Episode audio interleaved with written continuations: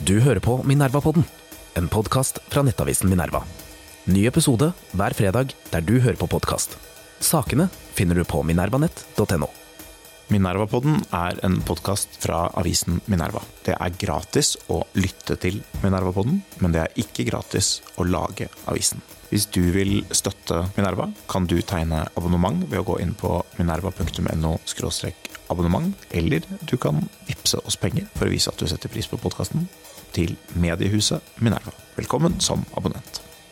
Hei og velkommen til Minerva-podden. Mitt navn er Nils August Andresen. Jeg er ansvarlig redaktør i Minerva. Med meg i dag har jeg Guri Melby, God dag. leder i Venstre. Velkommen. Takk skal du ha. Denne podkasten har fått en tittel. Den heter Venstre, det nye forsvarspartiet. Det er en tittel jeg aldri trodde jeg skulle bruke. Vi må, vi må finne ut hva som har skjedd her. Jeg har lyst til å lese et sitat fra, fra VG i forrige uke, og det er du som har gitt det sitatet. Dette blir dyrt, men har vi råd til å la være? Det finnes et økonomisk handlingsrom for et land som Norge, og det må vi bruke. Venstre er villig til å øke satsingen på Forsvaret betydelig. Bakgrunnen var at Forsvarskommisjonen forrige uke la frem sine anbefalinger til en prislapp på 70 milliarder kroner. Kan du si litt om, eh, om, hvordan Venstre har utviklet seg som forsvarsparti? Det er ikke så mange som forbinder dere med det, enten det er rimelig eller urimelig, men det har skjedd et eller annet det siste året. Fortell litt. Altså, jeg vil jo mene, og det tror jeg mange i Venstre også vil mene, at vi alltid har vært et parti som har vært opptatt av forsvar, av sikkerhet, eh, av det å ta vare på de verdiene som vi er så opptatt av. Da. Frihet og demokrati, først og fremst. Men så er det klart at um, den tida vi lever i, vil jo bidra til å forme hva som er de viktigste tiltakene for å oppnå akkurat det. da. Og det er klart at Etter Russlands invasjon av Ukraina og den brutale krigen vi ser der, så mener jeg det er heva over enhver tvil at det å prioritere penger som brukes på forsvar, det også å prioritere penger som gjør at Ukraina har en mulighet til å forsvare seg sjøl, det er en veldig sånn naturlig ting for Venstre å støtte, nettopp fordi at det er det viktigste vi nå kan gjøre for å forsvare frihet og demokrati. Men så er det også sånn at Venstre har jo egentlig alltid vært et parti som har vært villig til å bruke militærmakt for å forsvare disse verdiene. Vi har jo f.eks. alltid vært for allmenn verneplikt. Man kunne jo tenkt seg at et liberalt parti var imot det, f.eks. Vi har jo hatt diskusjoner i Unge Venstre i min tid om det, men det har alltid stått veldig sterkt i Venstre. Og f.eks. da Nato valgte å gå inn i Kosovo i 99, så var jo Venstre med på den beslutninga og støtta det. Som jo er et eksempel på at man bruker militær makt, man bruker våpen, fordi man mener da formålet er såpass viktig som det er. Så i motsetning til en del partier på venstresida f.eks., så har jo ikke Venstre vært et sånt pasifistparti, men det er klart at vi har hatt folk i vårt parti som, eh, som har snakka annerledes om det her enn det kanskje klassiske forsvarspartiene har gjort. Mm. Eh, men i den tida vi lever i nå, så, så mener jeg det har vært en helt riktig rolle for Venstre å ta. Jeg må, jeg må, komme med en liten anekdote og en, en personlig bekjennelse til dem av våre lyttere som, som, ikke vet det. Men jeg har jo vært medlem av Venstre eh, i noen år på begynnelsen av 2000-tallet. Eh, og da var det forsvarssaken som gjorde at jeg til slutt måtte melde meg ut. Eh, men, men det, er, det, er interessant det du sier om at Venstre var for verneplikt, for det var, det var man. Det var en, det var en, diskusjon den gangen nemlig, og Venstre var for verneplikt. Men i de foraene der jeg satt, så ble begrunnelsen som ble, som ble gitt, den var at det var viktig for å styrke idealet om borgeren. Hva, hva kunne Forsvaret gjøre for borgeren? For borgeren var Venstres slagord den gangen. Borgeren, det myndige mennesket. Det var, det var, fokuset, men hva borgeren kunne gjøre for Forsvaret, det var det ikke så mye fokus på.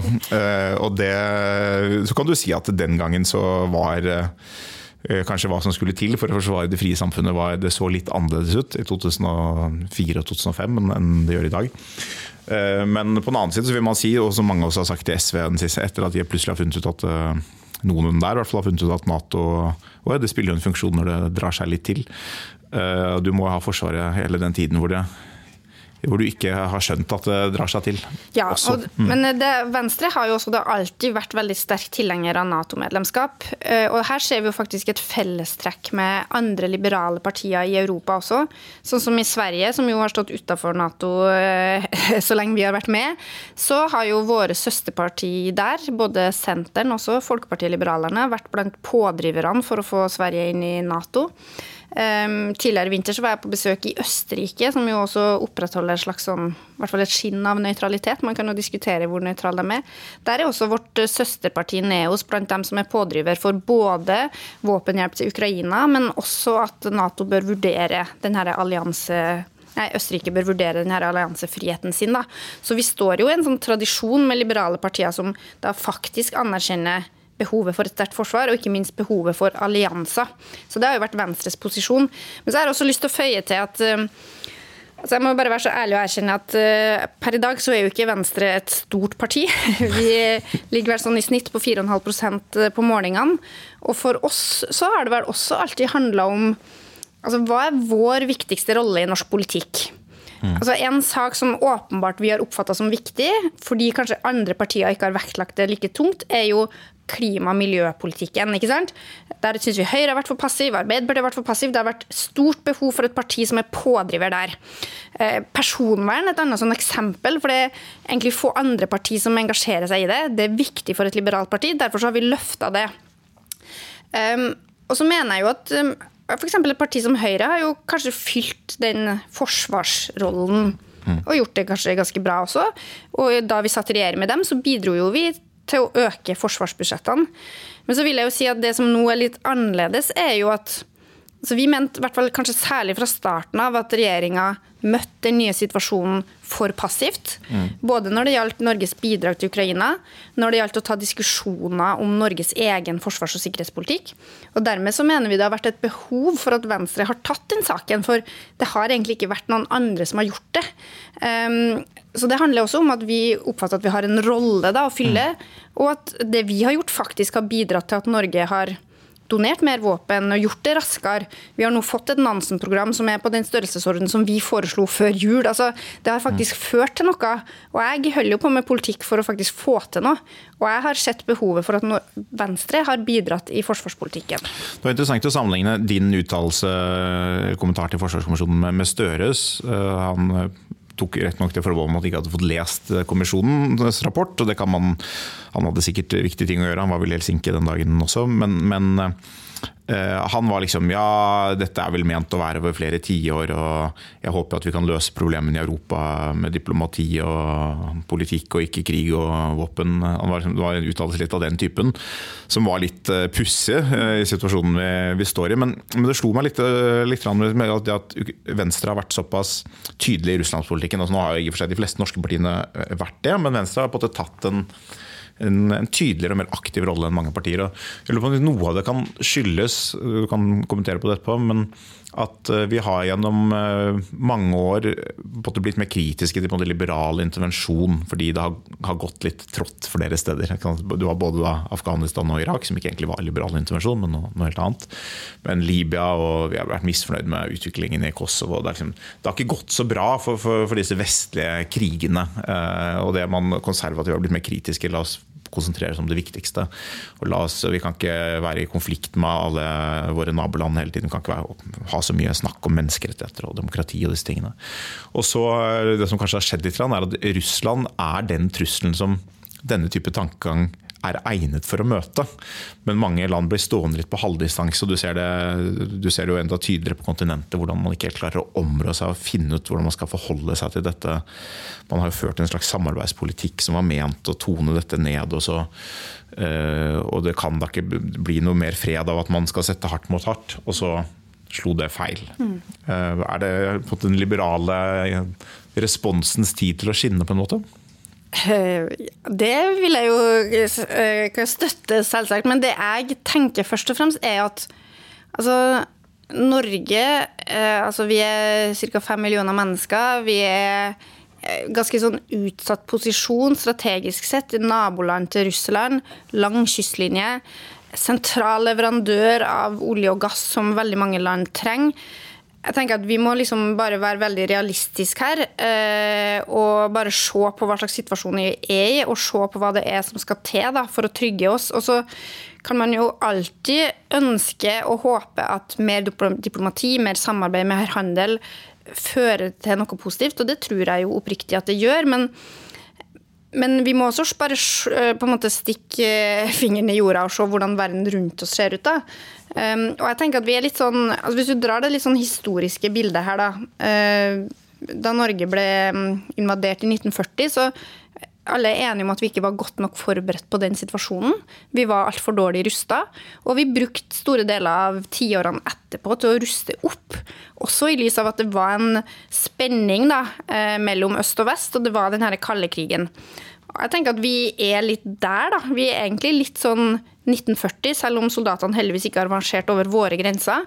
Så er vi litt der at ok, nå er det en annen situasjon. Eh, vi har fått en svært alvorlig rapport fra Forsvarskommisjonen som slår fast at vi er langt fra å være rusta til den sikkerhetspolitiske situasjonen vi står i. Eh, og da må vi tenke som det vi gjorde etter andre verdenskrig, at vi er nødt til å ruste opp.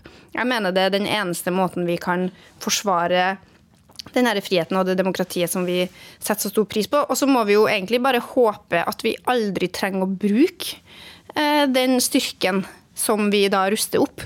Det er jo det liksom paradokset her, og som kanskje også gjør det vanskelig innimellom å jobbe så veldig hardt politisk for å øke det her så mye. fordi at vi ønsker jo å bruke penger på noe som vi kanskje håper at vi aldri skal få bruk for. Eh, men vi gjør det for å øke vår egen sikkerhet. Da. Mm.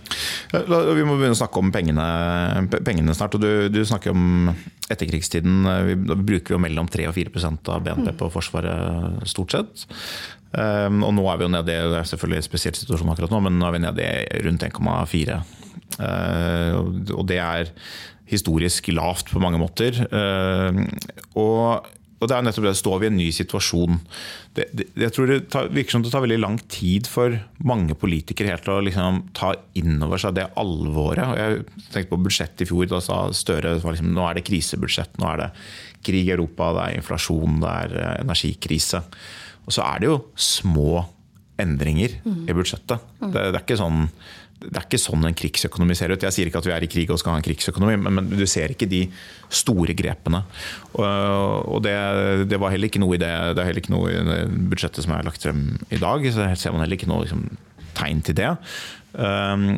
Og, og, så får man se da, om, om, opposisjonen viser noe tegn til det. Men det er noe av det vi kan diskutere her nå. Når du sier 70 milliarder kroner, og jeg krever ikke noe budsjettløfter av deg eh, her og nå, selv om, selv om, det er kjempegøy hvis du kommer med det her, altså. Eh, men eh, klarer vi å ta den type store grep? Da har skjedd en ganske fundamental endring, vil mange si, i sikkerhetsstrukturen i Europa. Men også i kanskje forholdet mellom USA og Kina og liksom hele den geopolitiske situasjonen fundamentalt endret. Er responsen vår på det liksom bare å flikke på noen tall i budsjettet, eller er det noen ordentlige prioriteringer? Og, klarer vi å gjøre kutt? Norske politikere har jo ikke gjort ordentlig kutt i denne perioden som pausen fra historien, det unipolære øyeblikket. Vi har ikke gjort kutt på, på 30 år som monner, som betyr noe, som rammer folk. Eh, hva tenker du om det? Klarer vi det? Jeg tenker i hvert fall at uh, foreløpig så har det vært få tegn fra regjeringas side, i hvert fall på uh, å gjøre den type satsinger som er nødvendig for å få til et stort løft, og som reflekterer at vi er i en krise. Uh, det var jo en økning i forsvarsbudsjettet da de la fram budsjettet sitt i oktober. Eh, mesteparten av den økninga er vel spist opp av prisstigning og donasjoner til Ukraina. Så det er jo veldig lite av det som har ført til reell styrking av forsvarsevne i Norge. Og jeg må jo altså si at um, Regjeringa valgte jo da å ha en pressekonferanse rett før kommisjonen la fram eh, sin rapport. Ja, Det stusset vi over litt her i Minerva. Ja. og ja, Man kan jo stusse på timinga. Jeg tror nå jeg tenkte at når de først gjorde det sånn, så, så skulle det komme noe skikkelig liksom, som eh, gjorde at den kommisjonen eh, på en måte bare bidro til å argumentere for det regjeringa gjorde. Eh, men det de foreslo der, var vel en satsing som var på sånn 7-3-8 milliarder i året. Ja, over tre år. Til, ja, over tre år, så eh, opp til 11 milliarder da. Mm. Um, og som sagt, jeg tror jo bare det regjeringa nå har lagt fram med revidert budsjett, det som da blir spist opp av prisstigning og sånn, gjør jo at eh, jeg er veldig usikker på om det faktisk er en reell satsing. Det kan faktisk hende at det i realiteten er en nedgang i hva Forsvaret har å bruke eh, på eh, på det å både få flere folk, øke kompetanse, sørge for at vi har de systemene vi trenger for å forsvare oss, osv. osv. Um, jeg mener det er behov for et betydelig større løft enn som så. Um, hvis man tar Forsvarskommisjonen på alvor, mm. så kreves det at vi som politikere i Norge jobber på en helt annen måte med det her. enn det vi vanligvis gjør. Vi har jo nylig gjort det, da, med Nansen-programmet. Mm. Der gikk jo da til slutt, det er jo nå alle partiene på Stortinget med, på et femårig program som da bidrar til 75 milliarder eh, til Ukraina, og også til ytterligere bistand ellers i verden. Som jo er et sånn type betydelig løft som vi sjelden ser. Mm. Så jeg mener jo Det er et bevis på at det er fullt mulig å få til noe sånt i det politiske Norge. Mm.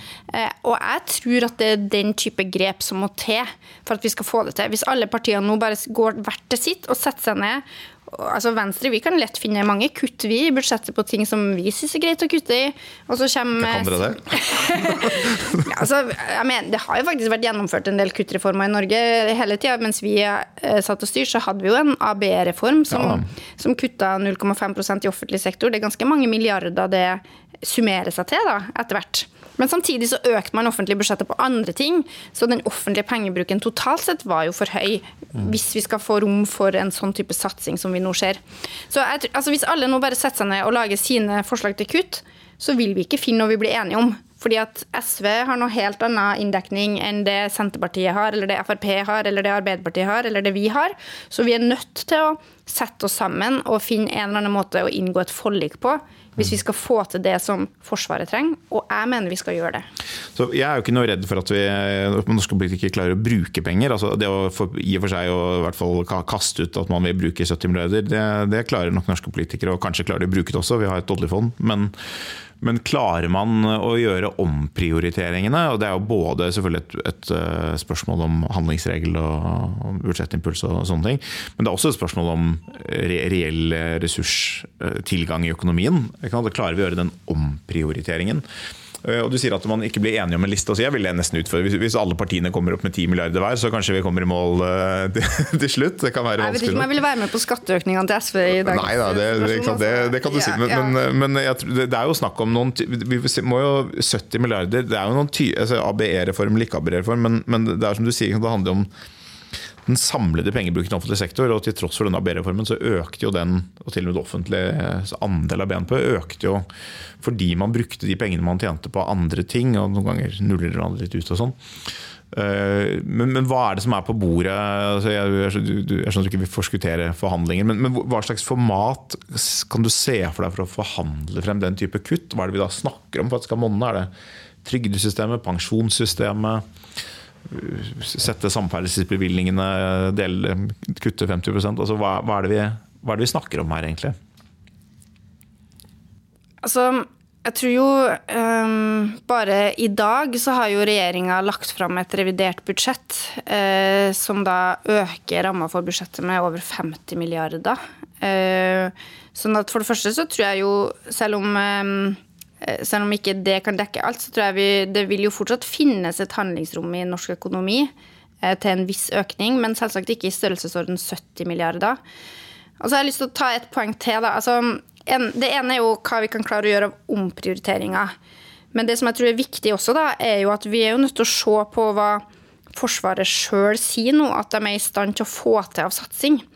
Altså, I dag har vi et forsvarsbudsjett som er på rundt 75 milliarder.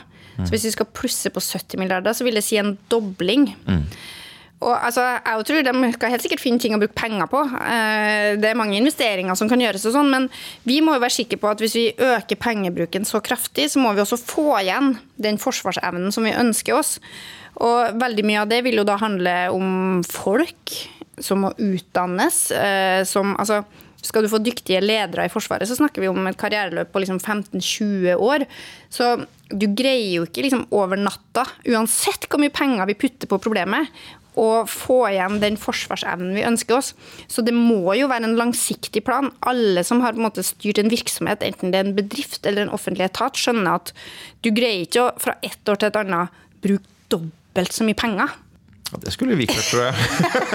Neida, men, kanskje, men, kanskje den, denne podkasten kunne gjort det, men kom, kom, de fleste altså, og samtidig være sikker på at alle de pengene brukes på noe fornuftig. da. Nei da. Altså, kommisjonen, For å ta disse 70 milliardene, så det er jo delt i to. kommisjonen, så 40 av disse 70 milliardene er jo anskaffelser. Mm.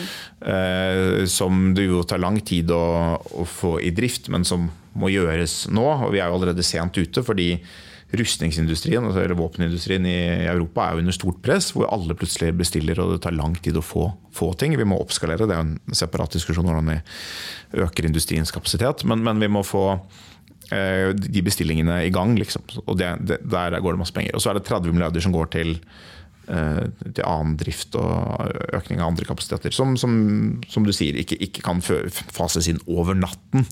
Men uh, Forsvarskommisjonen sier jo så fort som overhodet mulig. Liksom. Så, så, jeg, jeg synes det blir veldig spennende å se hvordan man skal klare å, å gjøre den type grep. Og, og det er spørsmål sånn om man vil eh, Klarer vi å flytte nordmenn over på en sånn hva skal jeg, skal kalle det krisemodus, men en, et alvorsmodus? Mm.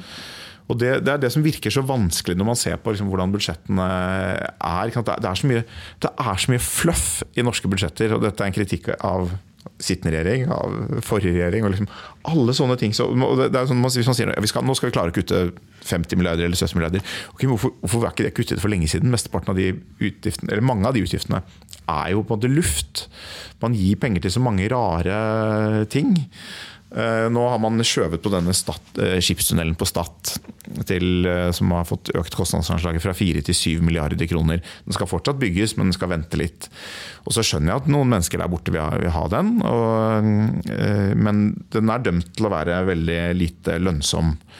Og det er, sånn, det er åpenbart at landet klarer seg på det bra uten og For ikke skylde bare på Vestlandet, så kan vi si det samme om Vestkorridoren E18. som er dømt til å, dømt til å ha negativ samfunnsnytte på flere titalls milliarder kroner, og som Oslo ikke ønsker seg.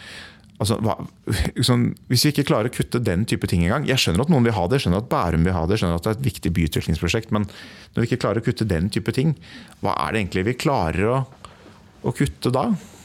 Det er veldig lett å peke på store investeringsprosjekter når man skal se på hvor i budsjettet man kan kutte. Eh, det er klart Vi skal se kritisk på alle investeringer som er planlagt, men jeg tror faktisk det viktigste er å tørre å gjøre den litt sånn tøffe jobben med å se på omfanget av tjenester som vi leverer da, eh, gjennom stat og kommune. Eh, for det er jo det som er utgifter som ligger der over tid, hvert eneste år. Eh, hvis vi først altså Det koster selvsagt penger å drifte en vei òg, men det, der er jo hovedtyngden på den investeringa som gjøres der og da. Og det kan jo faktisk ofte bidra til økt verdiskaping, flere bedrifter, en del økte inntekter til Norge. Da. Så jeg tror vi må tørre å se på velferdsordningene våre. Eh, Veldig gjerne. Se på ja, alt vi har da, av offentlig pengebruk. Eh, man kan jo enten da gå inn og gjøre spesifikke kutt på ordninger som vi syns kan kuttes litt. F.eks. vi har foreslått å kutte i det offentliges andel på AFP f.eks. Vi mener det er noe partene må kunne ordne opp i sjøl. Eh, at det er en ordning som inngås mellom arbeidsgiver og arbeidstaker, og ikke noe som staten skal være med å betale for. Men eh, det vi gjorde da vi satt i regjering, var jo den ABE-reformen, som var et form for ostehøvelkutt som skulle bidra til effektivisering i hele offentlig sektor. Noen mener at det er litt sånn fake, da, eh, mm. at vi ikke tar reelle kutt. Fordelen med det er jo at vi lar det være litt opp til etatene og den enkelte sektoren å finne ut hva som faktisk kan kuttes, uten å nødvendigvis gå veldig på bekostning av kvalitet eller det vi ønsker å gi. Da.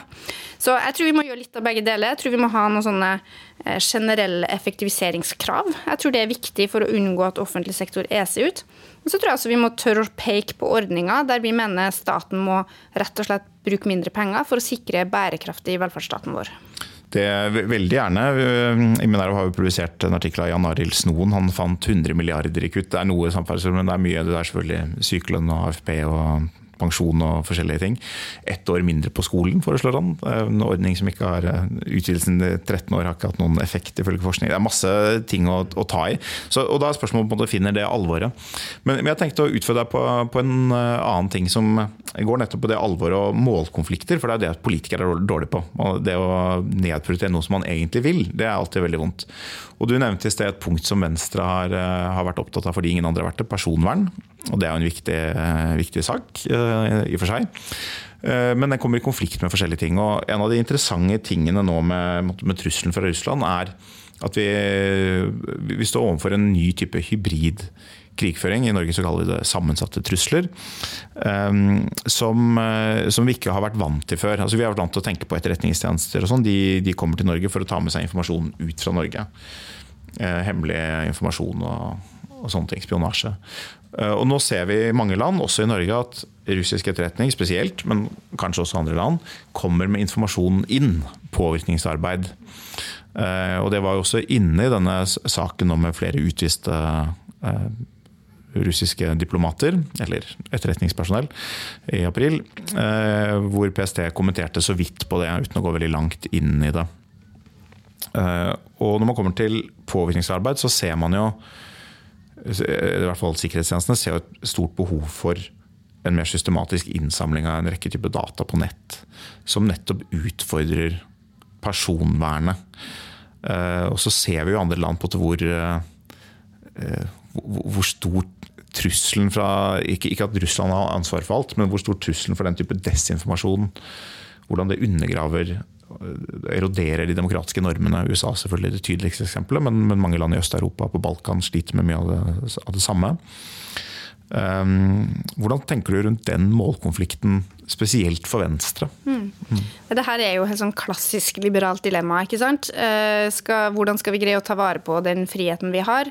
Hvor langt er vi villige til å gå da, uh, i å redusere den enkelte borgers rett til privatliv, eh, rett til personvern, for å ivareta de samme borgerne sin sikkerhet. Eh, jeg tror jeg må bare være helt ærlig og si at det er ikke noe enkelt spørsmål. Eh, og når vi har diskutert de siste årene hva slags fullmakter altså våre tjenester skal ha, da, så har det vært debatt innad i Venstre om nettopp det. Særlig i lys av den nye sikkerhetssituasjonen. Det vi jo er veldig skeptiske til, er jo alt som er en form for sånn masselagring, masseovervåkning av absolutt alle borgere. Eh, fordi altså det her vet vi jo at den største faren med det er at det har en såkalt nedkjølende effekt på det offentlige ordskiftet. At folk tenker seg mer om på hva de tør å si, hva de vil skrive, hva de vil ytre. Og da må man jo alltid stille seg spørsmålet hva blir det igjen av det her demokratiet vi skal forsvare? ikke sant? Det er ikke greit at folk tenker seg litt om av og til, da? Noen ganger. Men ikke, det skal ikke være det som er årsaken, syns jeg. Neida. Eh, det skal kanskje være andre ting. Når det gjelder mer spesifikk innhenting knytta til personer man er mistenksom for, eller sånt, så, så, er vi jo mer åpne for den type innsamling. Og jeg tror vi må hele tida se på nye metoder i lys av at eh, altså, måten det jobbes på, forflytter seg veldig. Men jeg tror også at et svar da, som har vært litt for lite framme i debatten, som går veldig i tråd med Venstres ideologi, er at faktisk vi ønsker oss mer åpenhet fra norske myndigheters side på hva man ser av påvirkningsarbeid. For jeg tror jo også altså Veldig mye av den påvirkninga f.eks. fra Russland skjer jo egentlig gjennom helt sånn åpne kilder. Eh, og det at flere borgere blir gjort oppmerksom på at det her Altså, det her er påvirkning. Det du akkurat leste nå, det er ikke en liksom, tilfeldig nettartikkel eller en blogg. Det her er russisk påvirkning. Og jo flere av innbyggerne våre som faktisk greier å gjenkjenne det sjøl, jo mer ruster vi oss til å stå imot den type påvirkning. Eh, noe av det er det jo en viss åpenhet om. Vi får jo disse rapportene fra både NSM og PST og sånn, men jeg tror faktisk at det å få enda mer åpenhet, enda mer debatt om hva som foregår av etterretning, av påvirkning, ville vært sunt og vært en god måte å forsvare oss bedre mot akkurat det arbeidet. Sverige har gått litt i den retningen med den nye myndigheten, som det heter, altså et slags direktorat, for, som, eh, som er et slags supplement til sikkerhetstjenestene, men som har en mye større grad av åpenhet om hva de selv gjør. Men det folk som kan denne type ting, eh, sier til meg, er at sikkerhetstjenesten i Norge vet for lite om overvåkning fordi eh, om, om, påvirkning. Fordi for å vite det altså Noen ting er, er helt åpent og, og, lett tilgjengelig, men hvis du skal følge, følge informasjon som kommer inn, falsk informasjon, eller det trenger ikke å være falsk heller, men uh, informasjon som er plassert av en utenlandsk statlig aktør, så må du kunne følge den gjennom sosiale medier. Du kan ikke gå på folk du mistenker for noe. Det er ikke sånn den spres. Det er jo på en måte hele, hele greia. Dette er ting som sprer seg blant folk som man ikke egentlig mistenker for noe, som ikke har gjort noe kriminelt. Eh, og vi ønsker ikke å kriminalisere vi ønsker nettopp ikke å kriminalisere den atferden, men vi ønsker på en eller annen måte å, å vite om den. Eh, og, så ser jeg, jeg er enig med deg altså at det er, det er noen veldig tydelige dilemmaer Eh, ikke bare direkte mot personvernet, men også liksom mot formålet med denne overvåkningen, som er å hindre påvirkningsarbeid som eh, river samfunnet i fillebiter. Men massiv overvåkning kan jo også rive samfunnet i fillebiter. At det, det, svekker tilliten til myndighetene og skaper sinne og aggresjon. Og, og sånn, så det, det, er mange vanskelige dilemmaer. Men, men ikke, jeg tror ikke man, man løser ikke problemet helt ved å si at vi skal overvåke de personene som vi mistenker for noe. fordi det er ikke det påvirkningen nødvendigvis handler om. Nei, det er jeg enig i. Jeg prøvde egentlig å lage et litt sånn prinsipielt skille på hva Venstres ståsted er. da. At vi er nok grunnleggende mer skeptiske når det gjelder saker som da fører til en veldig sånn generell eh, overvåking. Det var jo debatten for f.eks. rundt innføring av datalagringsdirektivet, som vel jo har blitt skrinlagt for lenge siden. At det var eh, veldig sånn mot befolkninga som helhet, kontra det å gi eh, utvida metoder, f.eks., eh, som gjør at man får flere verktøy for å forfølge dem vi har mistanker mot. Der Venstre gjerne har tradisjonelt vært mer åpen for nettopp det. Da. Um, men jeg tror um, altså, jeg tenker at Vi kan liksom ikke si at vi har debattert det her en gang, og så er vi ferdig med det. Eh, I Venstre så går diskusjonene om det her, eh, men foreløpig så har på en måte personvernargumentene veid tyngst. Eh, men det å hele tida gjøre en vurdering av har vi god nok informasjon, det, det er jeg veldig åpen for å gjøre. Da. Særlig i lys av at denne sikkerhetssituasjonen endrer seg. Men så er det jo også spørsmål om hva vi gjør da, som bidrar til å gjøre oss sårbare på ulike områder. En av de diskusjonene vi har hatt knytta til sanksjoner mot Russland, har jo vært eh, Norges unntak fra havneforbud, eh, f.eks. Der Norge, i motsetning til andre land i Europa, har sluppet til svære russiske trålere til våre havner. Og jeg tror det er litt sånn at Alle vet at disse trålerne gjør mer enn å bare fange fisk og lande den i Norge. Alle vet at de både skaffer seg masse informasjon mens de er ute på sjøen, men at de også Eh, nok skaffe seg masse informasjon når de går i land. Eh, det mener jeg er en sånn type aktivitet vi veldig enkelt kunne ha bidratt til å blokkere. Da. Eh, og en mye mer målretta form for begrensning av russisk etterretningsvirksomhet, som ikke ville ha gått på bekostning av norske borgeres personvern. Det er sant. Jeg liker best å måte, spille opp målkonflikter og få politikere til å ha det vanskelig, men jeg er enig at det kunne vi definitivt ha gjort. Det er jo målkonflikt der òg, ikke sant. Ja. Fiskerisamarbeid og alt mulig sånt. Så det, det finnes jo ingenting omtrent som er uten dilemma. Men der, der mener jeg det er enklere å lande på et standpunkt, da. Mm. En, en, siste ting som kan snakke litt om, er EU. Altså det er også sånn hvor Venstre har endret seg. Så Hvis du går 20 år tilbake i tid, så var Venstre liksom ikke EU- og Forsvarspartiet. Men uh, nå er det Venstre som er EU- og Forsvarspartiet. Um, og EU er et sånt felt i, norsk politikk som hvor diskursen har endret seg en del over tid. Noen ganger har den vært veldig preget av Eh, realpolitiske vurderinger, så har den vært preget av veldig idealistiske vurderinger. EU som liksom klimafyrtårn og liberalt samarbeid i motsetning til høyrepopulister og sånn.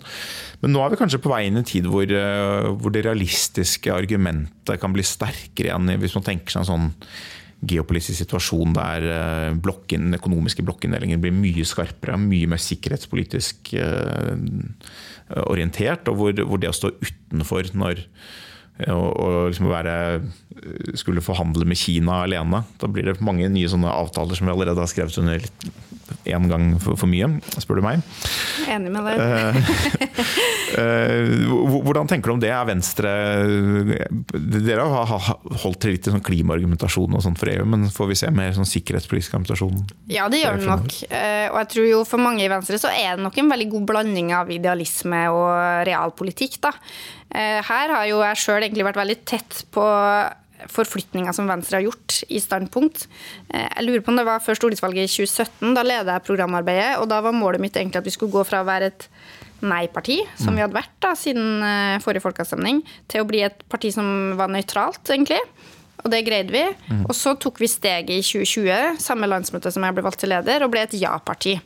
Eh, så det har jo vært en sånn prosess i løpet av en fem-ti år egentlig, der Venstre har snudd da, egentlig totalt om. Mm. Um, og det er klart, det er nok en blanding av at Venstre nå kanskje uh, vektlegger litt andre saker enn det man gjorde før. Det her med klima og miljø det har jo stått sterkt kanskje de siste 20 årene. og eh, når det gjelder samarbeid med Europa, da, og kanskje særlig pga. den rollen som EU har tatt i å være dem som går først eh, når det gjelder å stille tydelige krav, eh, satse på ny fornybar energi og sånt. Men det er klart at det med sikkerhetspolitikk vil nok være et mye sterkere argument framover. Vi har jo akkurat nå levert et forslag på Stortinget som følger opp Forsvarskommisjonens anbefaling om å gå i dialog med EU om å bli en del av deres eh, sikkerhets- og forsvarspolitikk. Og jeg mener det er en diskusjon det må være mulig å ha uten å ta den store diskusjonen om EU-medlemskap. Vi kan gjerne gjøre det også, men jeg tenker jo at mange av dem som er imot medlemskap, bør jo også være med på å se på hva er det som er ulempene med å stå utafor, og hva kan vi gjøre for å redusere de ulempene. Mm. Og Forsvarskommisjonen sier veldig tydelig at det er en klar ulempe for oss at vi står utafor, samtidig som EU styrker sitt satsing på forsvars- og sikkerhetsarbeid. Det betyr at det kan tas beslutninger i EU som vi ikke er med på, men som påvirker oss veldig mye. Og akkurat nå så mener jeg det er veldig kritisk at vi står utafor. Vi leverte lignende forslag i fjor, da fikk ikke vi noe gehør for det fra noen av partiene. Men nå når kommisjonen faktisk har foreslått det, så håper jeg jo at det er flere som ser behovet for det her, og at Norge egentlig ganske snart kan starte dialogen med EU om hvordan vi kan bli tilknytta akkurat denne delen av EU-samarbeidet. Dette er jo en av de interessante tingene som skjedde i fjor vår. Altså da eh, søkte Sverige og Finland om Nato-medlemskap, mens Danmark endra sitt syn på tilknytninga til akkurat denne delen av EU. De hadde jo tidligere reservert seg mot det. Så hadde de en folkeavstemning. Jeg tror det var godt over 70% av folket som sa ja til det. Mens i Norge så har vi da en utenriksminister som, eh, som mener at Nato er tilstrekkelig eh, for eh, vår sikkerhet. Eh, sånn sett så er hun da uenig i ganske mange andre land i Europa. De fleste europeiske land som er medlem av Nato, er jo også medlem av EU. Det er vel bare vi og Island som nå står utafor. Så jeg syns jo det er litt pussig at det skal vurderes helt annerledes eh, for Norge sin del enn for alle andre europeiske land sin del. En siste punkt som eh, knyttet til Forsvarskommisjonen, det var under fremleggelsen så sa Knut Storberget at han håpet at Norge skulle ta lederrollen politisk og militært i Norden. Eh, det tror jeg ingen norsk politiker har sagt siden Håkon Håkonsen kanskje på 1250-tallet. eller noe sånt. Vi har ikke vært i noen posisjon til å ta noen lederrolle politisk og militært. Kanskje sånn med noe pengebruk og noe sånt, men ikke på noe annet vis. Um, og det En ting jeg liker litt med, med Venstre, med si sånn, som på en som beveget meg bort da, fra det idealistiske Venstre og til en mer sånn konservativ sirumpa-posisjon, det er at vi, vi, som er konservative og sirumpa, vi liker ikke å foreslå sånn urealistiske ting. Ting må gå litt langsomt. og um, Man kan ikke liksom foreslå noe som er helt sånn urealistisk. Men det som er interessant å se på historien, er at store sikkerhetspolitiske endringer i omgivelsene påvirker eh, statsorganisering i veldig stor grad. Og i Norden er det veldig tydelig. Altså, de nordiske grensene har jo knapt nok vært stabile i noe århundre.